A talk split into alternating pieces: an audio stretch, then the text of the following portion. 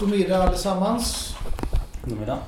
Eh, idag så har vi eh, den 25 februari och vi ska ha en poddsändning eh, om gränsdragning och tolerans.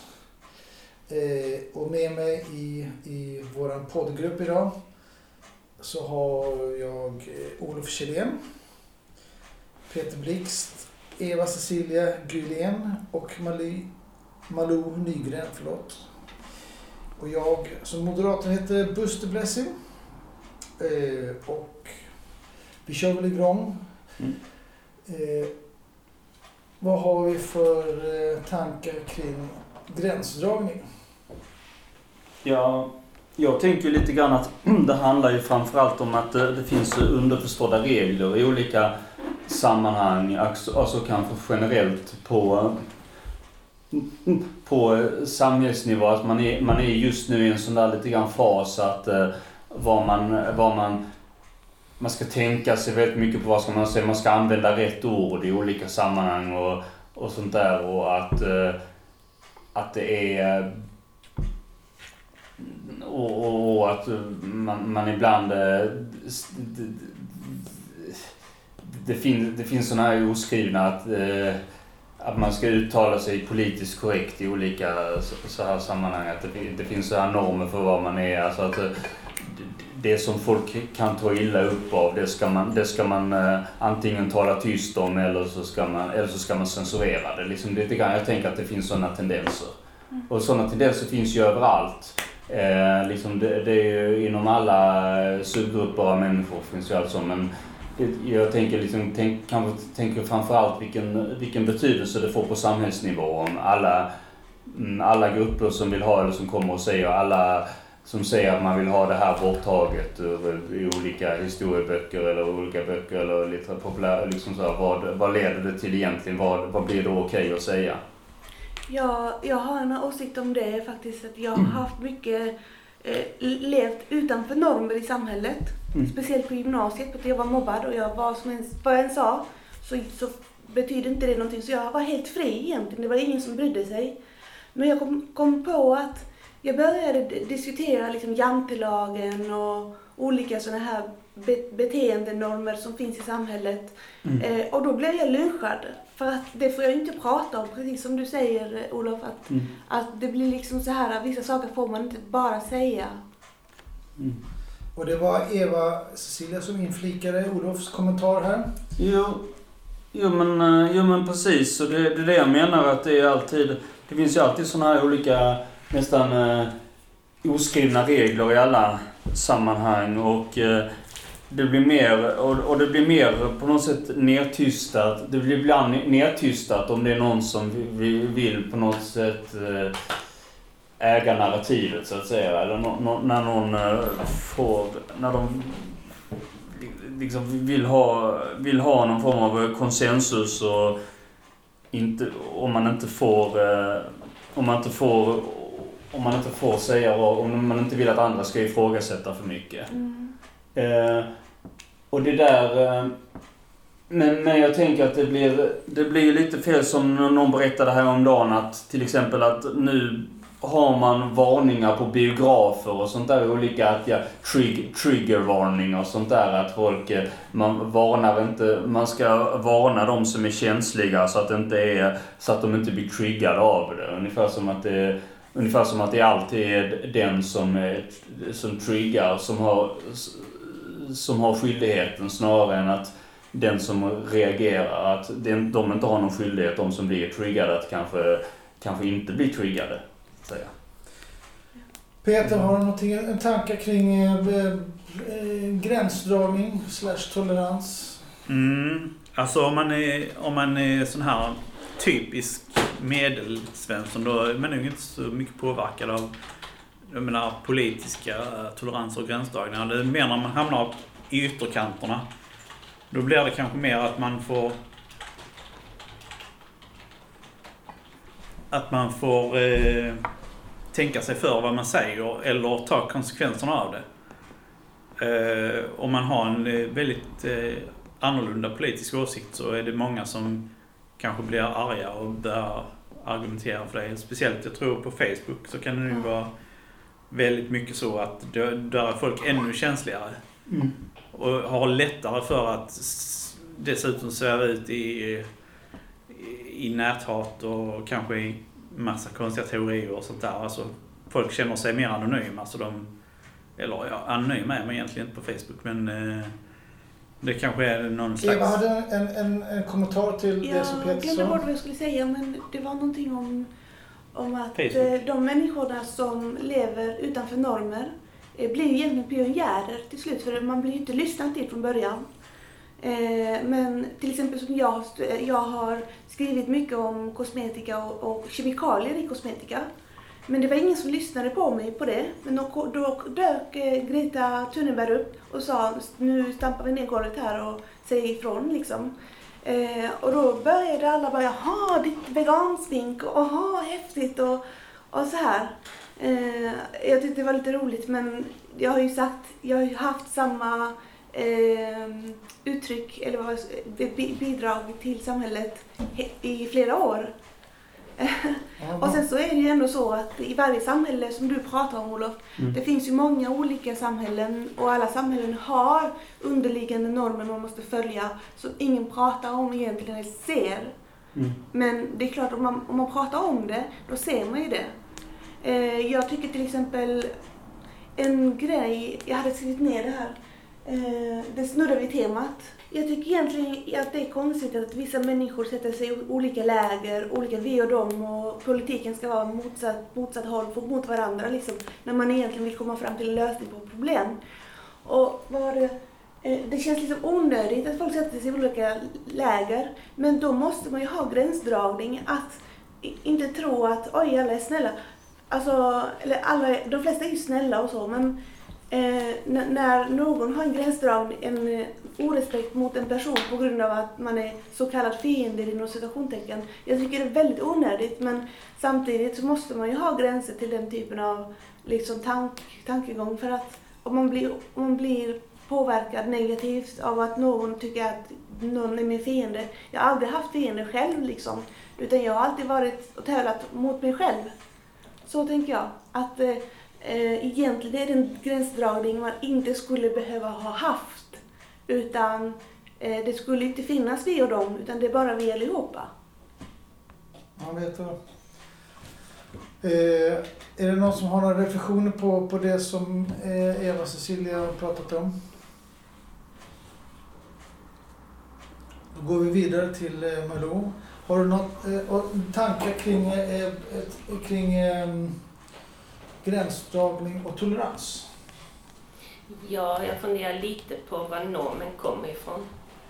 Det är någon som bestämmer eller styr vad som är okej och inte, till exempel. Mm.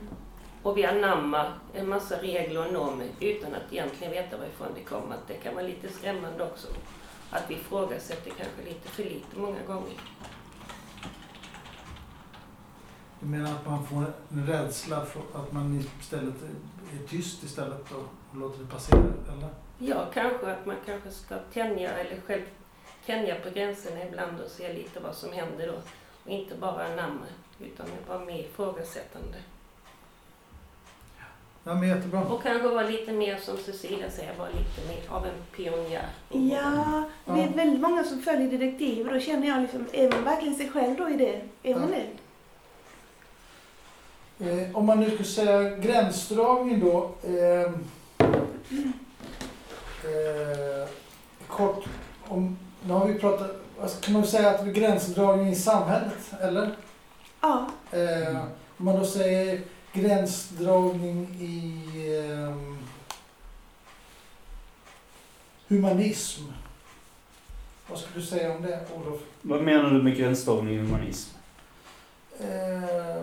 Mänskliga rättigheter. Ja, alltså det hur man eh, be- betecknar acceptansen eh, som man kanske inte delar eller sympatiserar med andra.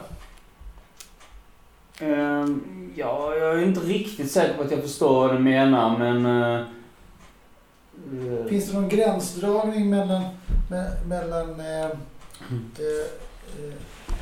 hur man eh, accepterar andra. Eh, jag tycker det finns till exempel ett stort problem i till exempel i arabvärlden att kvinnor behandlas väldigt illa. Och att ibland känner jag liksom att svenska feminister, ja men liksom hjälp arabiska kvinnor istället. För vi har det ändå ganska bra. Vi simmar bra. Vi, har- vi har, det är inte min lön. Min lön bestäms inte av ett kön utan vi har, ja, hur bra jag till, alltså mitt tilltal. Mm. Eh, och där, de, här, de här kvinnorna har ju inte, inte en enda lag, laglig eh, upps, eh, eh, instans att gå till för att kräva att inte bli stenade eller könsstympade. Det finns liksom inga regler. Mm. Så att frågan är, är det bra att ha regler eller är det bra att inte ha regler?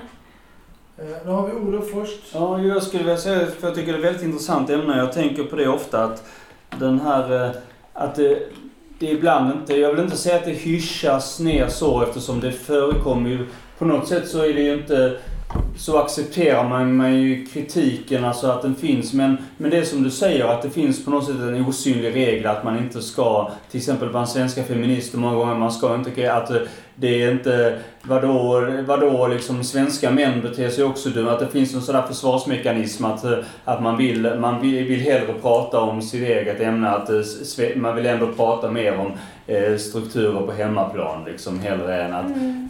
Just med rädsla för att inte...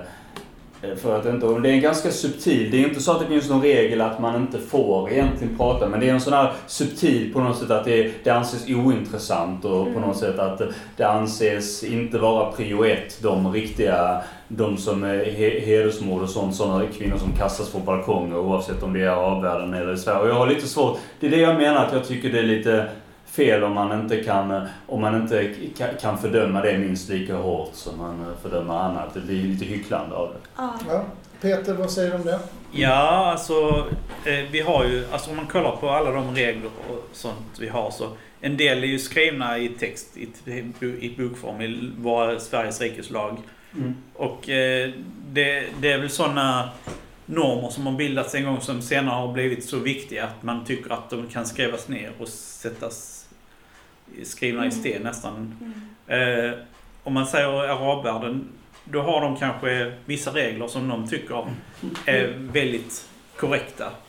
För att om, om vi ser en kvinna som får syra kastad i ansiktet så tänker vi att dels hon hade inte gjort något fel och straffet var felaktigt. Alltså straffet är inte accepterat att straffa någon genom att kasta syra i ansiktet på dem.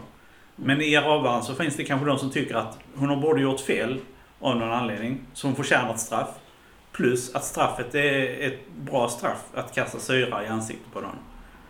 Annars hade de ju antagligen inte gjort det. Mm. Och det, det är ju en väldigt, väldigt annorlunda syn än, än vad vi har.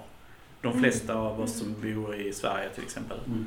Vi skulle ju aldrig acceptera att, att myndigheter gick ut så att nu ska vi kasta syra i ansiktet på den här brottslingen. Nej. Det skulle vi inte acceptera som en form av straff. Nej. Men i USA så har de ju fortfarande en dödsstraff eh, som en, Mm. i vissa stater som en accepterad konsekvens. Och det, det kanske är många som tycker i Sverige att det tycker om inte vi att man ska kunna råka ut för det oavsett hur illa man har betett sig. Ja. Sen är det ju också eh, den här eh, toleransen då. Vad, hur, vad får man göra? Alltså, får man som kvinna, får man lov att gå omkring i, i kort, kort kjol eh, eh, bland en massa såna här, vad heter de, eh, incels. Såna här involuntary celibats. Alltså, Du menar me- me- me- män, eh, bittra, bittra singelmän som... som, inte, som inte får till det. Ja. Ja. Är, är det liksom, kanske i arabvärlden så skulle inte det vara accepterat. Det skulle, Ja. skulle ses som en brottsling, brottsling då. Jag har en tanke om, om att, att ha, ha gränsdragningar mot samhället. För de här kvinnorna behöver ju en gränsdragning mot samhället och deras normer.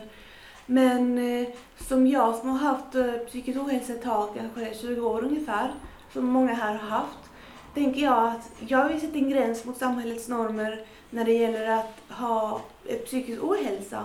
För att eh, om du inte kan jobba så anses, anses inte du vara värd någonting.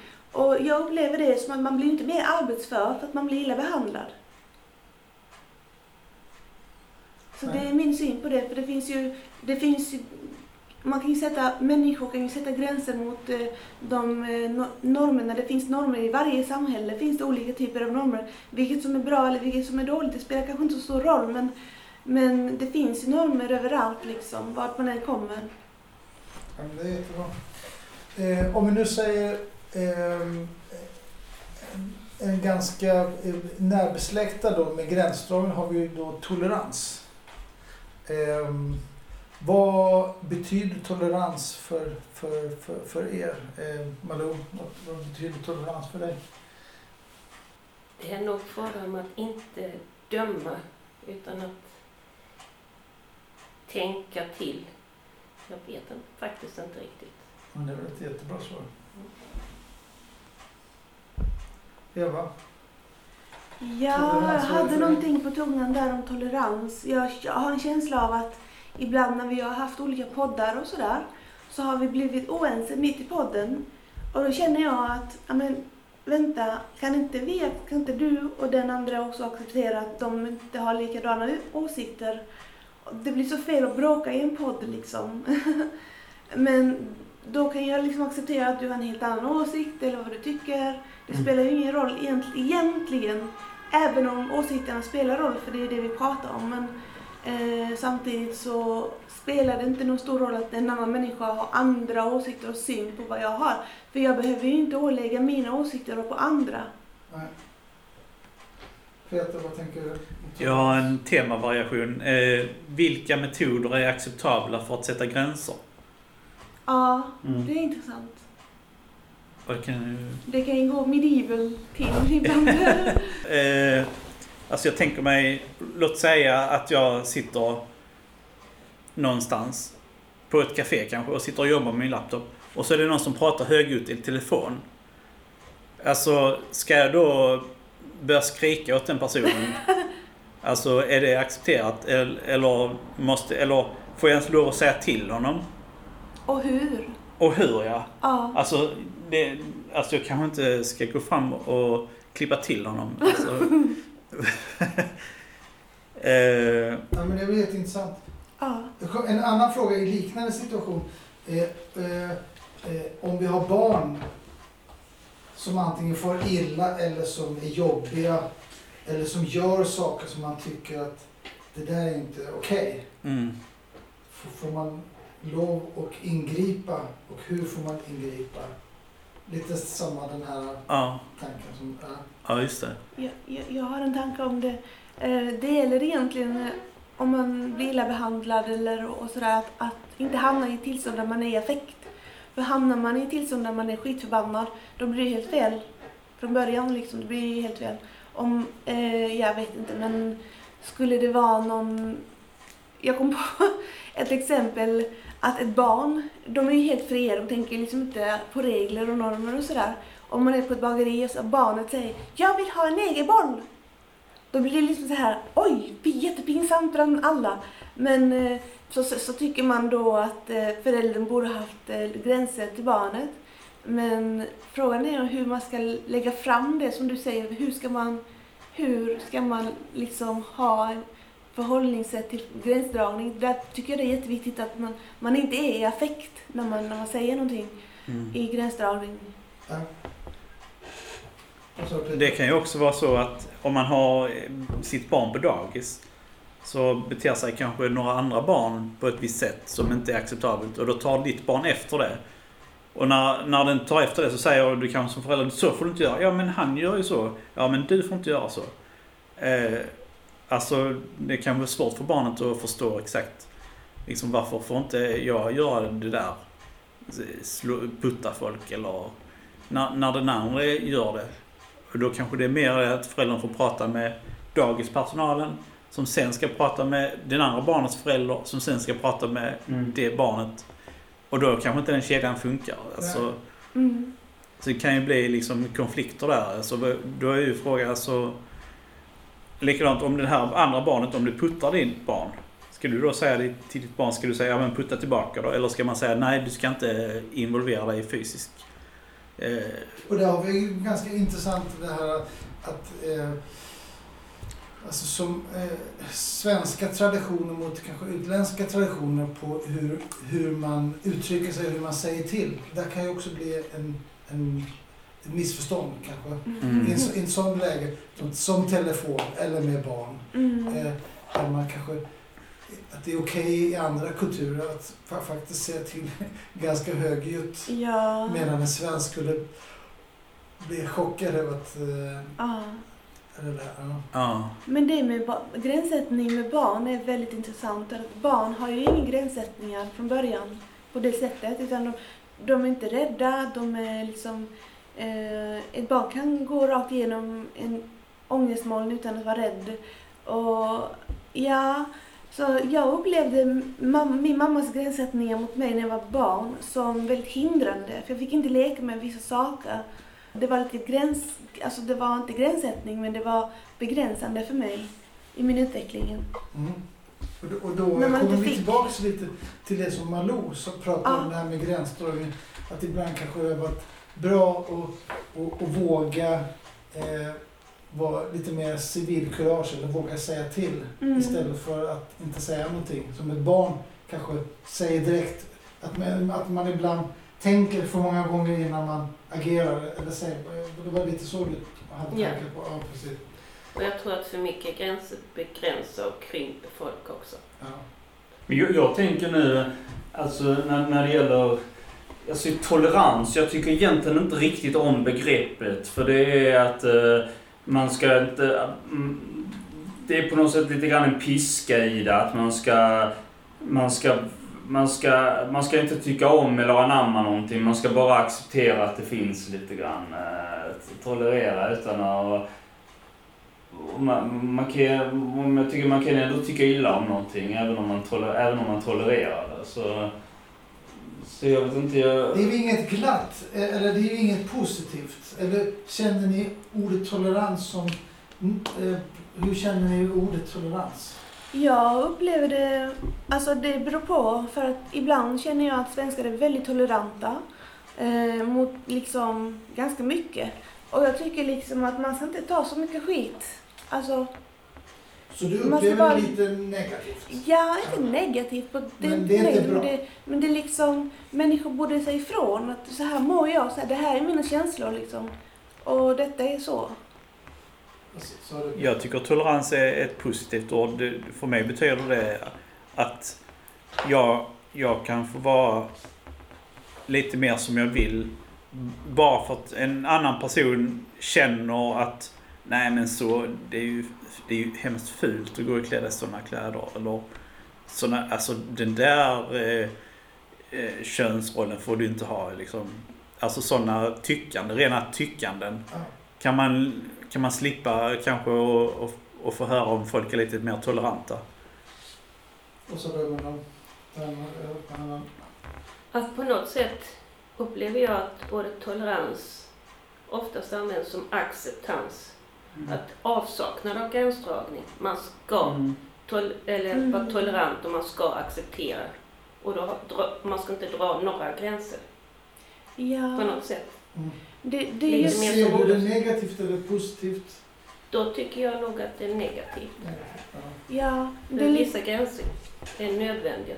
Jag tänker om man tar ett ställe som till, till exempel i skolan så har det ju varit en ganska stor eh, debatt eh, om att man inte har, att man ska vara, man ska vara tolerant mot, eh, mot elever även om de beter sig aggressivt och hotfulla. Att man ska inte, och om de, om de och att de, använder, de kan använda ordet kränkt och få läraren att bli, bli- ställas inför svars av föräldrarna och sånt där. Att det kan vara, det kan vara så att man accepterar på något sätt eh, saker, saker som inte ska äga rum egentligen. Är inte det mest kända uttalandet att vända andra sidan, sidan till? mm, Det är väl ut, verkligen ett, ett, ett tolerans kanske. ja. Men jag håller med Malou lite grann. Jag tycker att många människor är väldigt hårda på sig själva.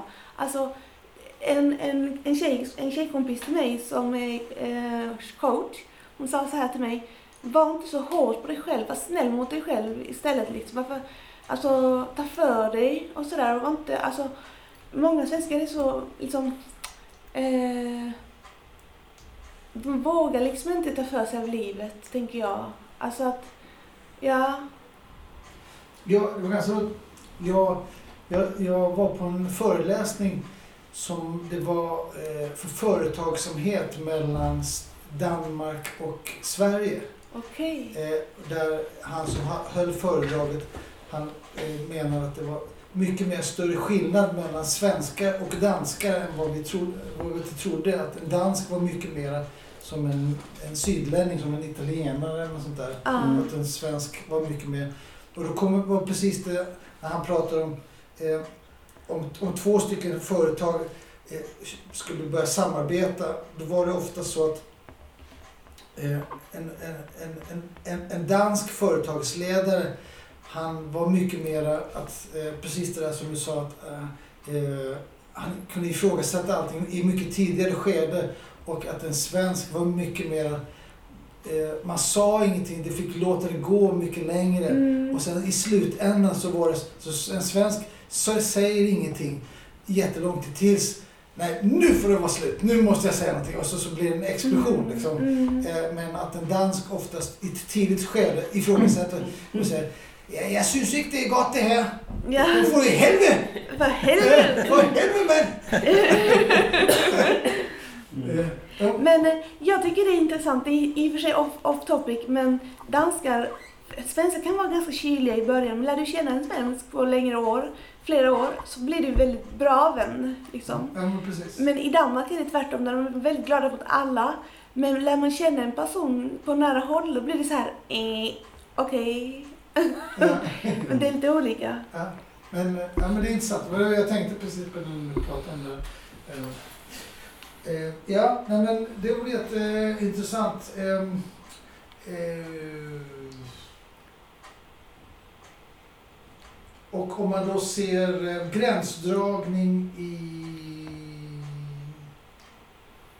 inom eh, religion. Är det något som ni har tankar på då? Det har vi egentligen berört när vi pratar om andra religioner, arabisk religion Mm. och, och sådär Mm. kanske. Eh, Och, och eh, kristenheten vänder andra sidan till, eller ganska... Är det, det typiskt kristet, eller? Vänder andra sidan, eller är det judiskt, eller vad, vad ska man säga? Men är det så genomgående? Har inte de kristna gjort väldigt mycket i Mellanamerika till exempel? Jo, men det är inte riktigt, sam, det är inte Det är riktigt samma sak som att det, att, att det sägs att man ska vända andra kinden till. Utan det, det, det, det är väl någonting, alltså det är ofta så motsägelsefullt att det st- står en sak och så står det samtidigt något Jehovas, annat. ursäkta, är inte det Jehovas vittnen som att eh, det är mycket det här att man verkligen inte använder våld ens, eller? Jag vet inte. Ehm, jag kan tycka att många religioner har ett väldigt eh, våldsamt sätt, eller våldsamt och våldsamt, men våldsamt sätt att hantera människor på. Eh, det var eh, Johnstowns Massacre till exempel. Där var det alla, alla religiösa där i den byn begick självmord för att de tyckte att Jesus ville det. Och det tycker jag är ganska så här, what? Vad är detta? Och i, i, i religionens namn har man gjort väldigt mycket olika liksom våldsbenägna aktioner som in, inkvisitionen och ja, som du sa då i, i Latinamerika och sådär. Men jag tycker samtidigt inte att det utesluter att det finns olika typer av förklaringsmodeller. För hur skulle vi förklara om det kom en blixt, liksom att vi var grottmänniskor? Det är klart, det är klart vi tro, trodde det var Gud, liksom. Vad skulle man förklara det med? Det vet man ju inte. Mm. Nej, precis. Eh, om vi då säger eh, eh, gränsdragning, tolerans eh, kontra eh, genus kanske? Har vi några tankar där? Hur menar du då? Ja, ehm, Menar du könsdiskriminering? typ? ja nej, men alltså... lite- Eh, eh, ehm, ehm, But, ja, jag har någonting. ja, vad säger du? Eh, forskningen, alltså det, jag har läst lite på senare tid eh, om vissa forskning. Så här, det finns ju, när jag ju läst genusvetenskap så pratar de lite om det här med syntetiska livmodrar. Att man har en, en, en apparat som producerar människor istället så slipper, så slipper människor bli gravida. Liksom. Eh, och sen så läser jag någonting om att eh, de håller på att utvecklas så att man kan ta stamceller från ryggmärgen och omvandla till spermier. Så att en kvinna Mm. kan befrukta en annan kvinnas ägg. Och då behövs det inte mannen längre. Eh, Eller liksom Ah. för, att- för att skapa barn. Då kan kvinnor liksom eh, klara sig på den, alltså Ja, det är intressant, men eh, hur, hur ledde du in det på Hur var det med just genus. Jo, därför att det handlar om kön. Alltså olika, olika typer av eh, kön och Genus är det sociala könet. det sociala könet. Ja, det är det. Men eh, eh, alltså det, Jag kanske Det- var lite mer inne på jämställdhet kanske. Det var, jag var lite otydlig i mitt... mitt Ja, alltså, Men jag... om man jag säger gräns. Men, men, men, men du, jag tycker du är inne på något intressant så att, eh, kör på. ja, Ja. Eh, jag, jag, alltså jag, jag ställer mig bara den frågan. Hur långt kan man acceptera att olika uttryck för alltså kön och genus och star, alltså i forskning. Alltså ska man, ska man tillåta allting som dyker upp i forskning eller finns det någon gräns? Eller finns det någon etisk gräns för Ja. hur man kan, i vilka konstellationer man kan ha alltså i familjer och sådär. Ska man ha en robot som är gravid eller Ja. Alltså, och som kallar sig för mamma. Och, alltså, det Ja, kanske är långt ja. fram i tiden men... Ja, ja, men här tycker jag vi är inne på en intressant eh, linje med gränsdragning med etik kanske. Ja. Och eh, eh, hur, vad man får göra och vad man inte får göra. Ja. Ett modernt sånt där exempel var ju det här med sur, eh, su, surrogatmammor. Att man, använder, att man använder kvinnors kroppar för att, eh, för, för att bära på barn som de inte själva skulle ha. Och det, det, blev, det ställde ganska stora etiska dilemman på sin spets. Eh, och ju, och det, det var väl diskussion också om utredare här i Sverige. Men, eh, men man kom väl fram till att det inte var att risken för utnyttjande var väldigt stor också om det skulle komma in kommersiella intressen i det också. Men varför kan man då ha eh, män som lämnar spermier och sen aldrig ser sitt barn? Alltså, det är ju en ännu grövre form av utnyttjande tycker jag. Okej, Mm. de får kanske 3000 spänn men det smäller de på en kväll på, ut- på baren och dricker sig fulla och sen Jo, har de inte mer nytta av de pengarna och de får inte någon chans att... ja, nej det är Att- sant. Men att- de att- har- att de har ju liksom- samtidigt inte bära någon i nio månader om man säger så. Mm. Ja, mm, ja jag vet inte. Jag tycker att mannen, mannen alltså, måste utveckla papparollen, tycker jag. Jo, det är också. Eh, Jag, jag har en åsikt om det. Grejen är med genus och, och, och liksom riktlinjerna för vad man ska anse inom genus. Det blir lite fel när man utesluter män ur genuskampen precis som att män skulle vilja ha det jämställt också liksom. Mm. Eh, Män, vill ju, alltså män lider ju också av eh, patriarkatet med fan, ska man vara mjuk, ska man vara hård, ska man vara dittan och datten och ska man ha muskler, ska man ha, hur ska man se ut, hur ska man klä sig och sånt. Och många män är ensamma också. mm. Eh, och det drabbar ju män lika mycket det här med genusproblematiken som det drabbar kvinnor. Mm. Jag tyckte det var fel av, av metoo-rörelsen att utesluta män som blivit våldtagna. Mm. För att de har ju uppenbarligen också blivit våldtagna och det är en, handling av våld, sexuell våld, Mm. som inte är acceptabel. I vilket Mm. fall som helst, liksom, vilket kön den gäller.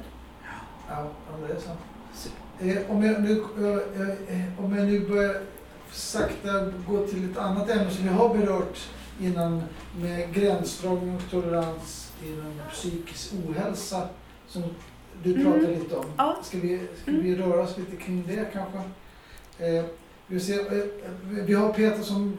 Eh, kan vi försöka få in Malou? Har ni några tankar kring eh, eh, gränsdragning kring psykisk ohälsa eller tolerans? Har inget som jag kommer på direkt. i samhället Ja. du känner eller någonting, inget sånt? Du återkommer lite senare. Mm, återkommer.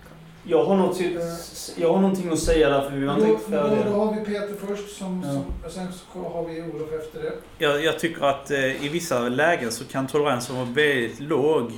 För att man inte mår precis som alla andra. Mm. Alltså bara för att jag eh, känner att jag kan telepatera så plötsligt så blir man ett problem, ett problem som man måste sätta in på psyket.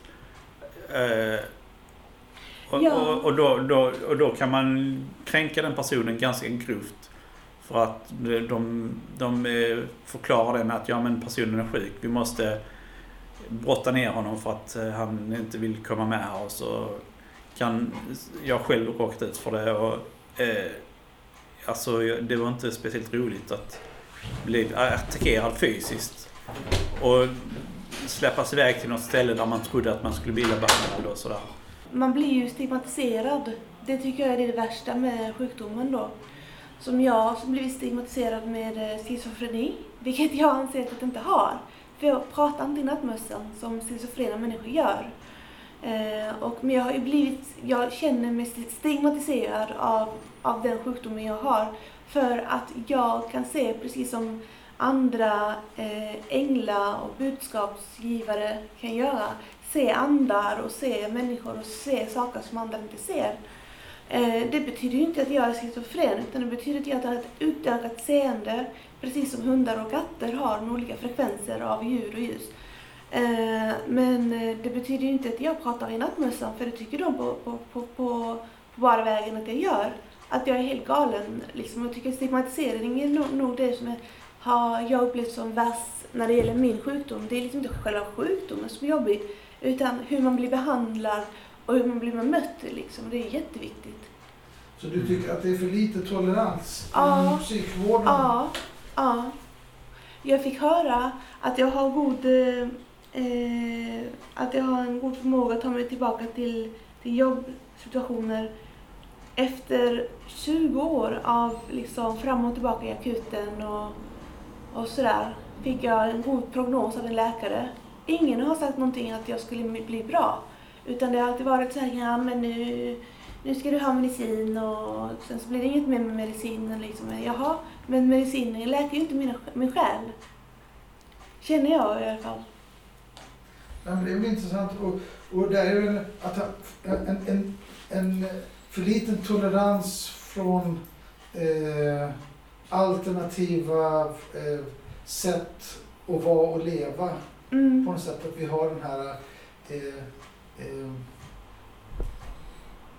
att man inte har något värde i ett samhälle om man, inte, om man är arbetslös. Mm. Och sen där, därefter ett, ett, ett psykisk ohälsa eh, och kanske ålder eller... eller på Ja, men eh, psykisk ohälsa är väldigt nära till, kopplat till jobb, känner jag. Ja, För att eh, om man inte jobbar, man missar sitt jobb, så kan man må väldigt dåligt och sen så också på grund av man kan må dåligt av, av samhällets liksom, påtryckningar. Så att man behöver kanske inte må dåligt för att man missar jobbet, men man blir, mår dåligt av samhällets påtryckningar. Så då blir man arbetslös, blir man ju värdelös.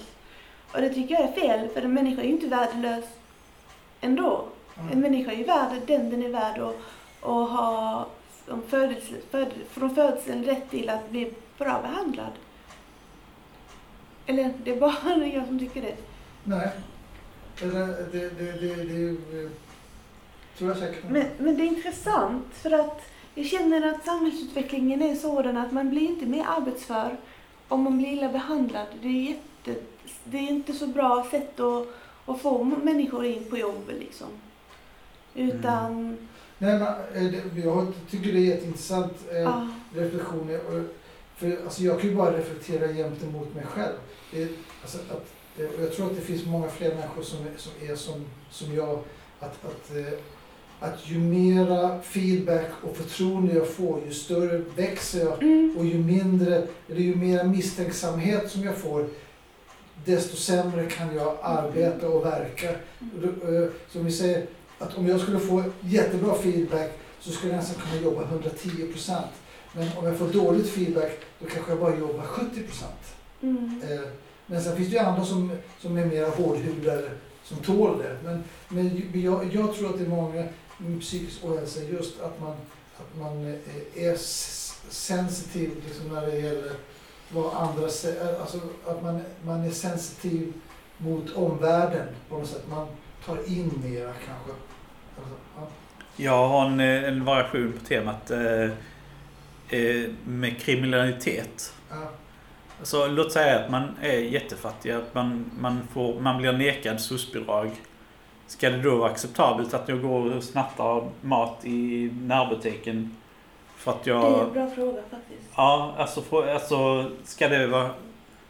Alltså det, det blir ju straff av det om man blir påkommen. Alltså, Mm. och butiken vill säkert ha som, vill inte ha några snattar alls för att det missgynnar ju deras ekonomi. Okej. Eh, Men eh, alltså ska det vara, ska det vara accepterat, eh, soci- socialt accepterat. Men sen kan man ju dra det till sin spets också. Om, om jag inte har ett jobb, ska det vara tillåtet för mig att sälja droger för att tjäna pengar? Det finns ju folk som vill använda droger, då kan jag lika gärna sälja droger. Mm. För att de kommer ändå få tag i det och, och så vidare och så vidare. kan man ju dra som ursäkt.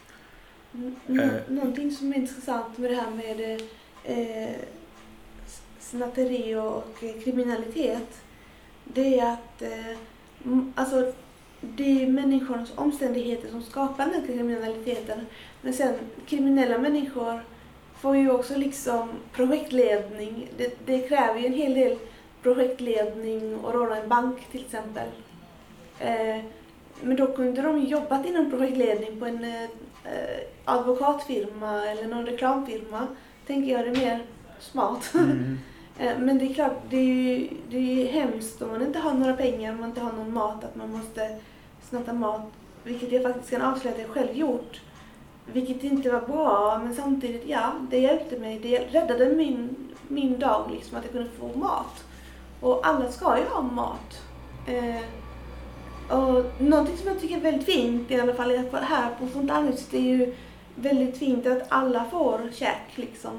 Det, även om du inte har en kupong så kan du få en kupong av en kompis eller av Irene om det, om det är jättekris liksom. Ja. Att det är kris, du har inte mat hemma och ska få en, en knytpåse hem eller så liksom. Ja. Så kommer ett företag bagare här som blivit av, blir av med bröd och gett oss bröd och, Ja. och sådär. Eh, jag, tror inte, jag tror inte det är rätt att man snattar mat. Men jag tror inte man ska döma den människan så hårt för att det finns anledningar till Ja. det. Mm. Ja, det är sant. Har du någon tanke Malou innan vi slutar eh, för dagen? Kanske? Känns det okej att runda av eller har ni, känns det som att vi eh, har mer att säga? Ja, jag tycker vi har diskuterat igenom ganska bra. Ja. Så att jag känner att det, det kan ju snart vara läge att avsluta. Har du något du tänker på Malou? Nej, det var väl kanske mer att gå tillbaks lite, så det var kanske inte utifrån det sista, utan det var utifrån vad Eva-Cecilia pratade om det här med, med arbetslöshet och psykisk ohälsa. Men många gånger så den som lider av psykisk ohälsa har ju fått två stämplar. Först är det, har de stämplats för att de har psykisk ohälsa och sedan på grund av den psykiska ohälsan så, så får de inte jobb. Mm. Och då, då ser Mm. folk ner på dem för att de inte har jobb också. Absolut. Det är en dubbelbestraffning. Ja. Mm. Jag kan också Eh. uppleva att det är en dubbelbestraffning. Att är du så dum så du inte klarar det, hanka dig upp. Alltså det blir en dubbelbestraffning. Liksom. Du, blir, du blir liksom eh, satt i en situation där alltså, man kan inte göra mycket mer. Men det finns mycket bättre sätt att hantera psykisk ohälsa tycker jag. För det är ju ändå så att många har ångest och då kan, då kan man liksom... Jag upplever det att när jag postar på Facebook om ångest så är det accepterat att prata om det. Det har blivit mer och mer accepterat, känner jag. Att prata om att det finns ångest och sådär. Mm. Ja, men det, det känns väl som det. Mm. Att det, det börjar bli lite, alltså att det börjar ju bli lite mera acceptabelt eh, och tol tolerans för psykisk ohälsa just därför att eh, ja, men att, att det börjar fi finnas mera som, som ex, alltså ordet existerar ju mera nu än, än, än det är inte så mycket hysch-hysch som det har varit innan. Mm. Sen så är, finns det ju jättelång väg att gå säkert. Eh, ehm, Mm. Mm. Mm. eh, men då tackar vi för den här eftermiddagen om tolerans. Och som sagt, här har vi haft Olof som, och eh, Olof, Peter och Eva och Malou och Bust. Tack för idag. Ja! Tack. ja. Tack så mycket.